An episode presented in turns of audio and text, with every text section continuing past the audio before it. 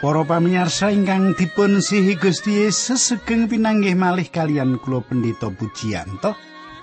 Panjenengan badhe sesarengan kalian kula wonten ing salebetipun adicara margi utami, adicara ingkang sampun panjenengan ngantos-antos.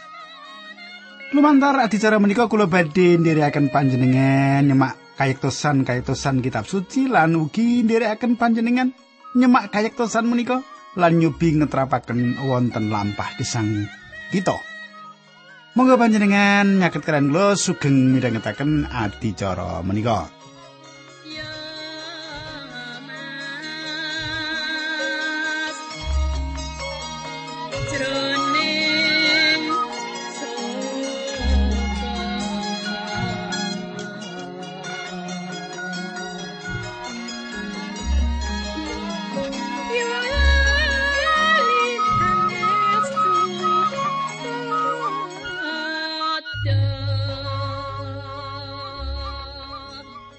Pamirsa ingkang kula tresnani, menapa panjenengan tasih kemutan menapa ingkang kula aturaken duk nalika pepanggihan kepengker nggih kula rada serak niki. Nggih. Aduh, peladusan terus nggih. Wis saking menika nek rada serak-serak ya rasa pangling suarane nggih. Jenengan dongaaken supados kula ingkang saras makaten nggih. Kadang kula wonten ing pepanggihan kepengker kita sampun nyemak pilih sih rahmat ingkang kita tampeni saking Gusti perlu kita wujudaken wonten ing salebetipun gereja nggih. Kula badhe nglajengaken nanging sadèrèngipun monggo kita ndedonga rumiyin. Kanjeng Rama ing swarga kawula ngaturaken kenging panuwun menawi wekdal menika kawula saged tetunggilan kalian sedherek kawula. Kawula nyuwun supados Gusti mbikak manah kula nuntuni kanthi Roh Suci supados pangandikan paduka menika dados kegiatan kangge kesang kawula. Linambaran asmanipun Gusti Yesus Kristus kawula ndedonga haleluya amin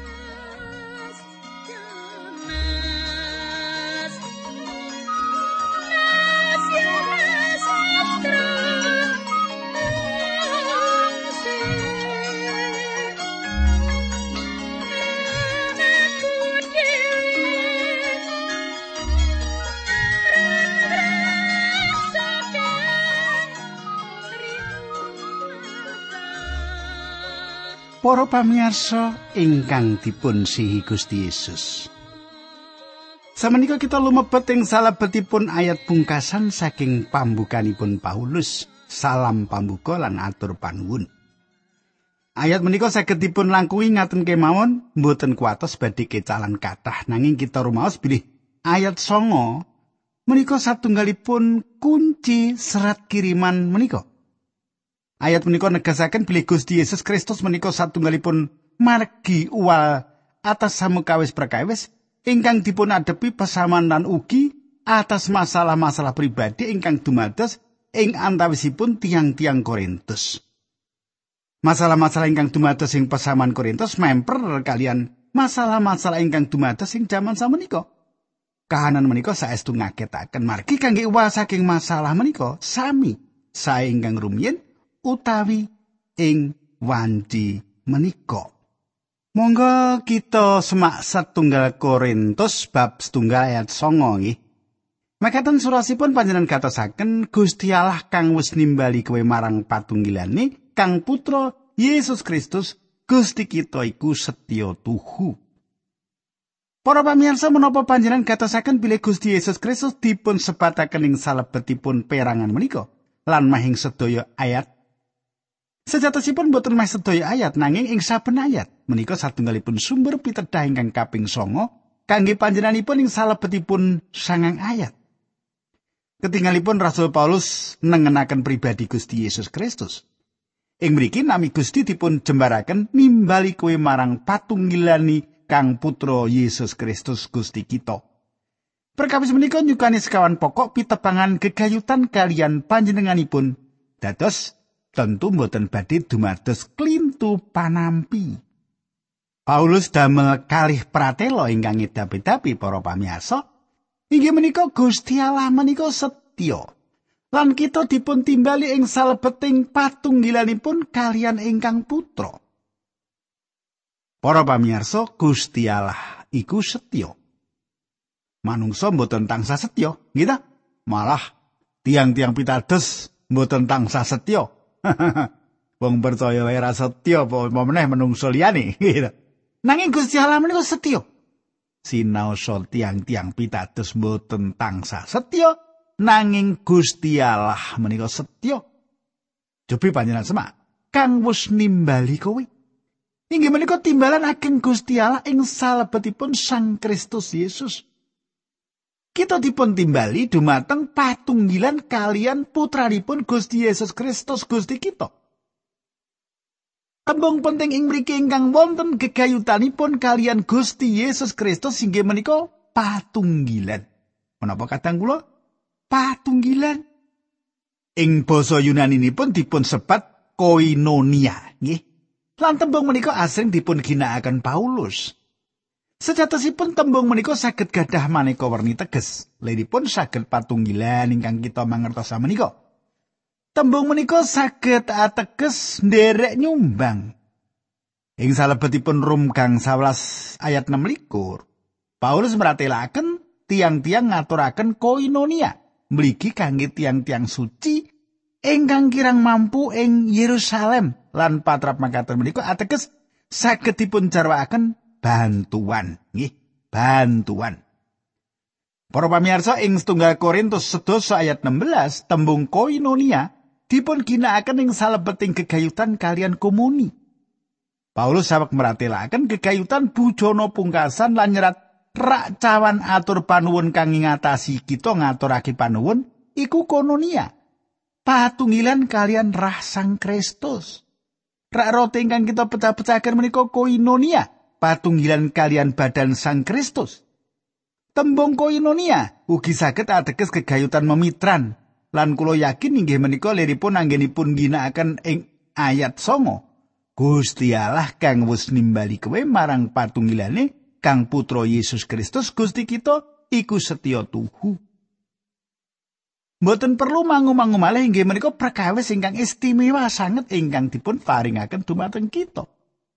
Menawi panjenengan manunggal kalian Sang Kristus, menawi panjenengan sowan dumateng panjenenganipun lan nampi panjenenganipun minangka juru wilujeng, pramila panjenengan sawak memitran kalian Sang Kristus. Panjenenganipun kersa dados mitra kita, awit saking menika ateges kita gegayutanipun caket kalian Sang Kristus. Para pamirsa wonten maneka werni kegayutan memitran, wonten kegayutan memitran ing salebetipun bisnis upamanipun. Wonten gabungan memitran ing salebetipun tali katresnan. Kegayutan kados makaten menika tentu saestu caket lan raket. Wonten perangan perjanjian lami ingkang adamel kita mesem, kula mesem. Antawisipun panjenenganipun paring pangandikan bilih tiang-tiang menika mboten kenging masangi sawi jaler kalian bagal kangge mluku nggih.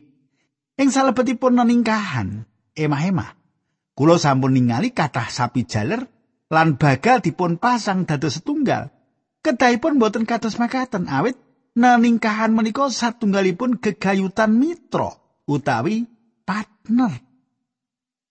Para pamirsa menawi kados makaten menapa tegesipun kegayutan memitran kalian Gusti Yesus Salah satu galipun inggih menika ngandut teges bisnis. Panjenengan dum kineduman kalian panjenenganipun. Ingkang dados barang darbek kula ugi dados kagunganipun Gusti Yesus Kristus. Menika kagunganipun kados dene menika barang darbek kula. Awit saking menika Gusti Yesus saestu katutut manahipun atas sedaya ingkang dados darbek kula. Kula kedah ngakeni wonten wekdalipun kula gadah sawetawis perkawis ingkang manut kula mboten dudut manahipun Gusti Yesus. Wonten wektalipun kula kanthi sifat kumingsun kula namung mikiraken badan piyambak ing salebetipun kula nggadahi menapa kemawon. Nanging samenika sinau mboten gadah kathah ing wekdal panjenenganipun gegayutan memitran kalian kula. Panjenenganipun mboten wonten ing salebetipun perkawis ingkang panjenengan sebat bisnis ageng ingkang kula gadahi inggih menika kagunganipun kagunganipun inggih ingkang kula gadahi. Ngaten nggih niki kegayutan Gusti Yesus dados mitra nggih. Para pamirsa, kegayutan ningkahan emah-emah liripun benten malih. Liripun inggih menika gatos wigatosan nek wong omah-omah iku kudu gati wigatinan antawisipun ingkang setri ingkang jaler gatos wigatosan ora kok malah sengit-sengitan nggih Nah, kula ugi gadah sesambatan kados makaten menika kalian Gusti Yesus. Menika leripun kula ngatosaken Gusti Yesus. Gusti Yesus ngatosaken kula. Patrap ingkang kados makaten menika badhe nuntun kegayutan dateng papan ingkang langkung luhur. Kita ugi gadah kasetyan antawis setunggalan sanesipun. Sumber hasil panjenenganipun menika darbek kula lan menapa ingkang dados darbek kula inggih menika ugi kagunganipun. Panjenenganipun boten mundut kekatahan nanging panjenenganipun nggadahi kula. Kula sampun misungsungaken badan kula dumateng panjenenganipun. Panjenenganipun sampun cekap paring jawaban atas pitakinan kula. Gegayutan dateng pundi kula kisah lan menapa ingkang ketah kula tindakaken. Para pamirsa menapa panjenengan pirsa pilih putusan-putusan kangge kita dipun yoso ing papan ingkang langkung luhur nglangkungi pitakinan apa wani aku nindakake? Utawi apa kudu aku nindakake? Kita menika kagunganipun Sang Kristus Yesus lan Gusti Yesus Kristus menika gadahan kita. Kadang kula ing salebeting gegayutan katresnan wonten peladusan antawisipun satunggal lan sanesipun menika kedah tresno tinresnanan ing salebeting gegayutan katresnan wonten peladusan menika kedah dados landesan hubungan antawisipun satunggalan sanesipun. Gusti Allah nyelarasaken sariranipun wonten ing salebeting karinggianipun kita. Kula mbetahaken sabar sarahipun lan kula nampi panguwasipun ayat kitab suci ingkang gegayutan kan ayat menika kula yakin sampun dipun jarwakaken lepat. Ayatipun wonten ing Yesaya swidak telu ayat songo. Makanan surasipun saka sakai kasangsarani dudu malaikat nanging Allah piyambak sing luari umate merga saka sih lan kawelasane nggone padha dipitulungi wiwit jaman kuno mula nggone padha dirimat lan digendong. Kapirengipun ing salebetipun karingkian kita panjenenganipun dados ringkih. Panjarwo ingkang langkung sae inggih menika dipun damel kosok wangsul.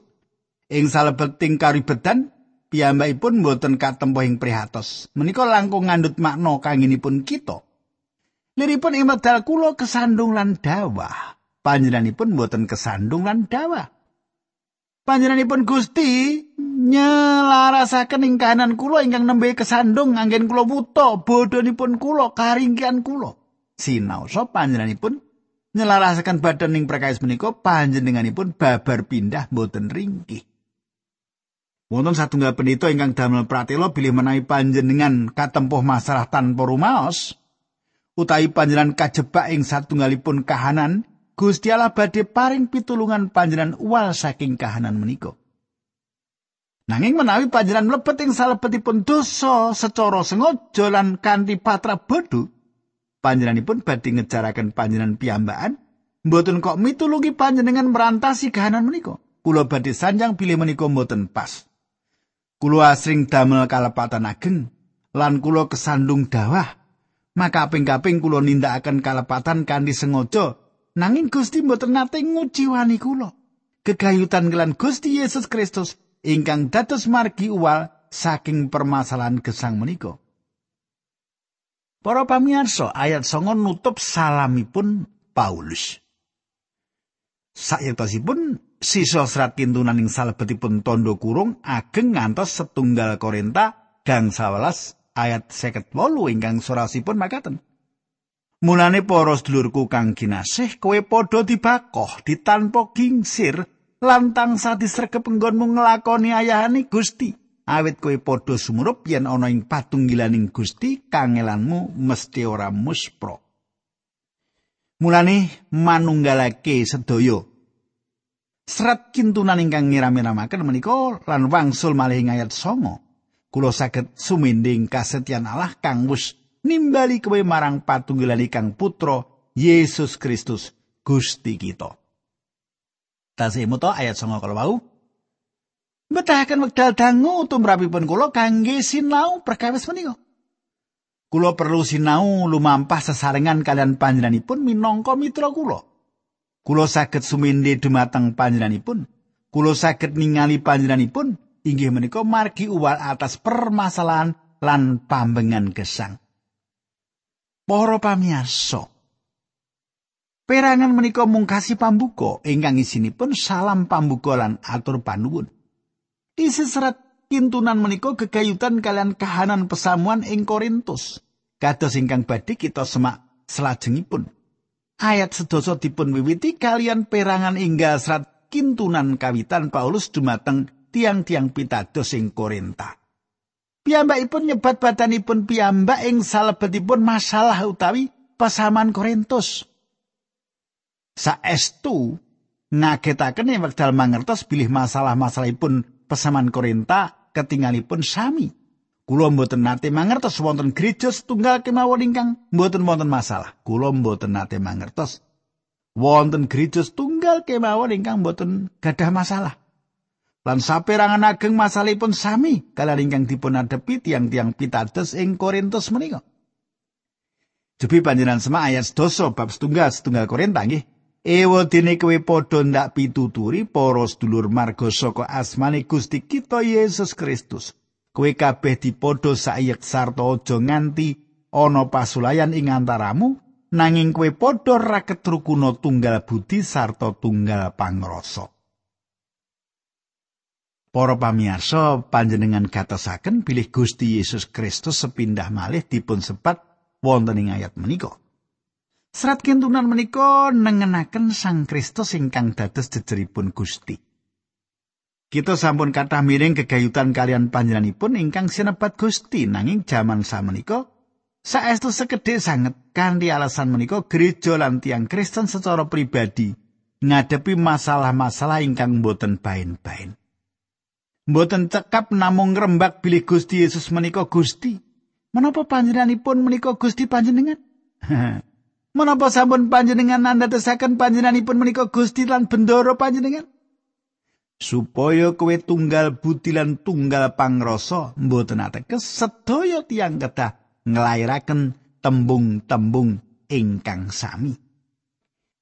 Leripun kadang kula tiang-tiang pitados mboten kedahipun sengit sinengitan antawisipun setunggal lan sanesipun tembung kangge pasulayan inggih menika saking basa Yunani skisma. Liripun boten kedahipun wonten pasulayan. Boten wonten kekayutan ingkang sentet wonten ing salebetipun gereja ingkang dipun sebabaken awit cecongkrahan, gosip, kritik, sengit utawi raos nalongso ing manah. Panjenengan pitados kula manggihaken sawetawis gereja ing jaman samenika kados makaten menika. Perkawis-perkawis menika mboten saged wonten ing salebetipun gesang panjenengan menawi Sang Kristus mboten dados mitra panjenengan. Kowe kabeh dipodo sayek sarta aja nganti ana pasulayan ing antaramu nanging kowe padha ra ketrukuna tunggal budi sarta tunggal pangrasa. Menapa toleripun tunggal budi sarta tunggal pangrasa ingkang dipun kajengaken inggih menika penggalih Sang Kristus. Filipi kali hayat gangsal ngantos wolu. Kulo lajengaken ayat 11. Sebab para sedulurku, aku wis diwartani dening wong-wong saka brayate kluwe ing ngatasé kowe kabeh yen ing antaramu ana padudon. Para pamirsa tembung padudon ing mriki inggih menika eris. Jaman samenika eris padudon dados dewi padudon lan cecongkrahan dados dewi. Ing salebeting pesaman Korintus wonten pasulayan cecongkrahan lan padudut. Paulus nampi keterangan saking tiang kawitan. Piyambakipun nyebut sumber inggih menika keterangan saking kluwe. Menawi panjenengan badhe damel tuntutan sekuyung kalian nami panjenengan kados ingkang dipun tindakaken kluwe. Sinten kemawon tentu ngalam bono kluwe ingkang wonten ing Korintus, kluwe nyariosaken ingkang sayektosipun nglairaken permasalahanipun sanjang wonten masalah ing salebetipun pesaman kita masalah amon lan kedah dipun prantasi Para pamirsa yang wedal dosa wonten ing salebetipun pesamuan Rasipun kados dene kanker. Perkawis menika perlu inggal dipun prantasi ing wekdal wonten tiang ingkang nandang kanker. Pramila tiang menika kedah kesah dateng dokter supados pikantuk pitulungan. Nanging panjenengan bayangaken wekdal dokter sanjang. Kita ora susah emosi, kita ora susah nuwake masalah, kita duwe kekarapan, duwe pikiran kang apik lan tenang. Dados aku bakal mburehake nganggo wedak ing perangan iki sakabeh mesti bakal beres. Para pamirsa saged ugi badanipun tiang menika badhe mambet wangi. Nanging piyambakipun tentu badhe pecah awit kanker menika. Panjenengan kedah merantasi kanker, kados panjenengan kedah merantasi permasalahan ingkang tuwuh wonten ing pesamuan. Badhe nandang sengsara tiang ingkang ngageng-agengaken masalah menika.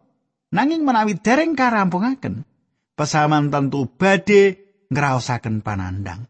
Mesti kemawon, masalah yang salebetipun pasaman ing Korintus inggih menika pasaman ingkang tasih gadah bayi Kristen, bayi limrahipun asring jerit-jerit. Ayat 12. Kang ndak karepake iku yaiku siji-sijine panunggalanmu celatu. Aku iki golongane Paulus, aku golongane Apolos, aku saka golongane Kefas, utawa aku golongane Sang Kristus. Panjenengan katosaken, Bilih pasulayan menika dipun sebabaken awet tiang-tiang pitados katut dumateng para pemimpin-pemimpin gereja ingkang benten-benten. Tiang-tiang menika bangun kelompok-kelompok alit kalian tiang-tiang ingkang cocok ing satunggal kelompok wonten murid-murid gumedhenipun. Gitu. Gumedhenipun Paulus. Wonten kelompok sanesipun ingkang ngegung-ngegungaken Apolos. Lan wonten sawetawis tiang remen Simon Petrus utawi Kefas. Lan tiang-tiang menika ngegung-ngegungaken Kefas. Para pamirsa, kita sampun mangertos kata kegayutan Paulus. Piyambakipun tiang pinter, otakipun cerdas, kendel nanging ketingalipun boten dudut ati secara kajasmanen. Simon Petrus semangatipun makantar-kantar kawitanipun Petrus menika ringkih.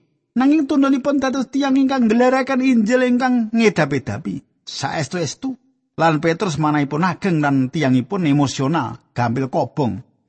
Apolos menika salah setunggal juru khotbah ingkang ageng ing gereja apostolik. Piyambakipun boten rasul lan kirang dipunakeni nanging piyambakipun menika juru khotbah ingkang ngedapi-dapi. Manut kula piyambakipun menika Billy Graham ing wekdal semanten. Tiang tiga menika gadah pribadi ingkang kiyat. Nanging tiang tiga menika sejatosipun boten damel kelompok-kelompok menika. Tiang tiga menika berjuang sesarengan demi iman. Tiang tiga menika njanjekaken kamanunggalan roh lan tiang tiga menika ngegungaken Gusti Yesus Kristus ingkang lepat inggih menika ingkang damel pasulayan menika sinten malih menawi mboten pasaman ing Korinta.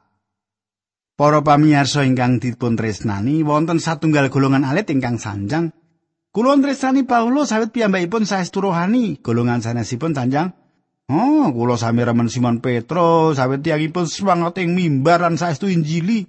ingkang sanesipun sanjang. Hah, kula sami remen Apolos. Piyambakipun menika ngedapi-dapi lan saged ngrangkul kathah tiyang.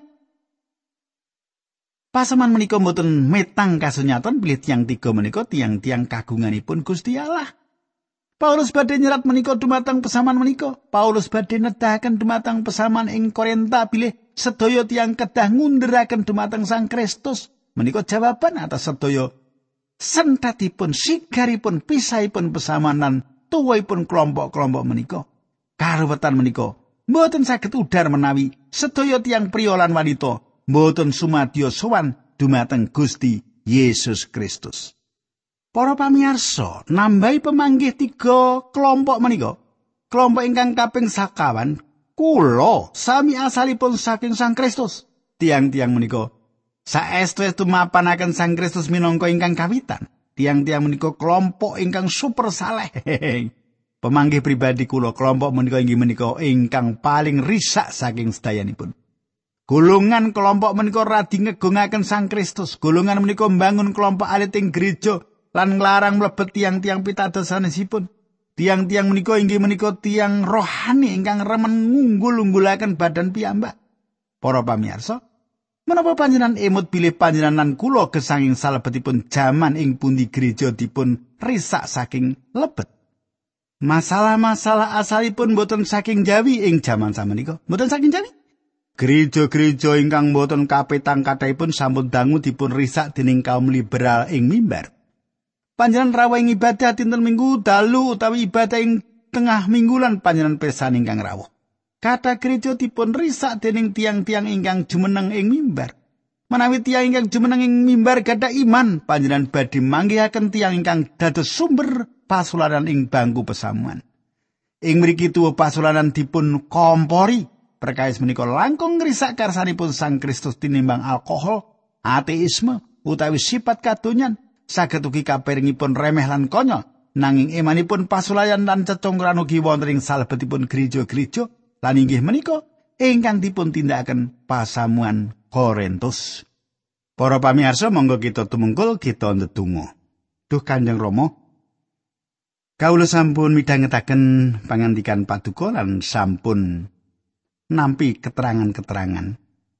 Kawula suwun paduka sucikaken paduka tuntuni kawula kanthi makaten kawula saged ngeterapaken wonten lampah gesang kawula supados ing gereja kawula mboten pados masalah, dados jalaran masalah, kawula supados saged nebaraken katentreman ing tengah-tenging pesamuan.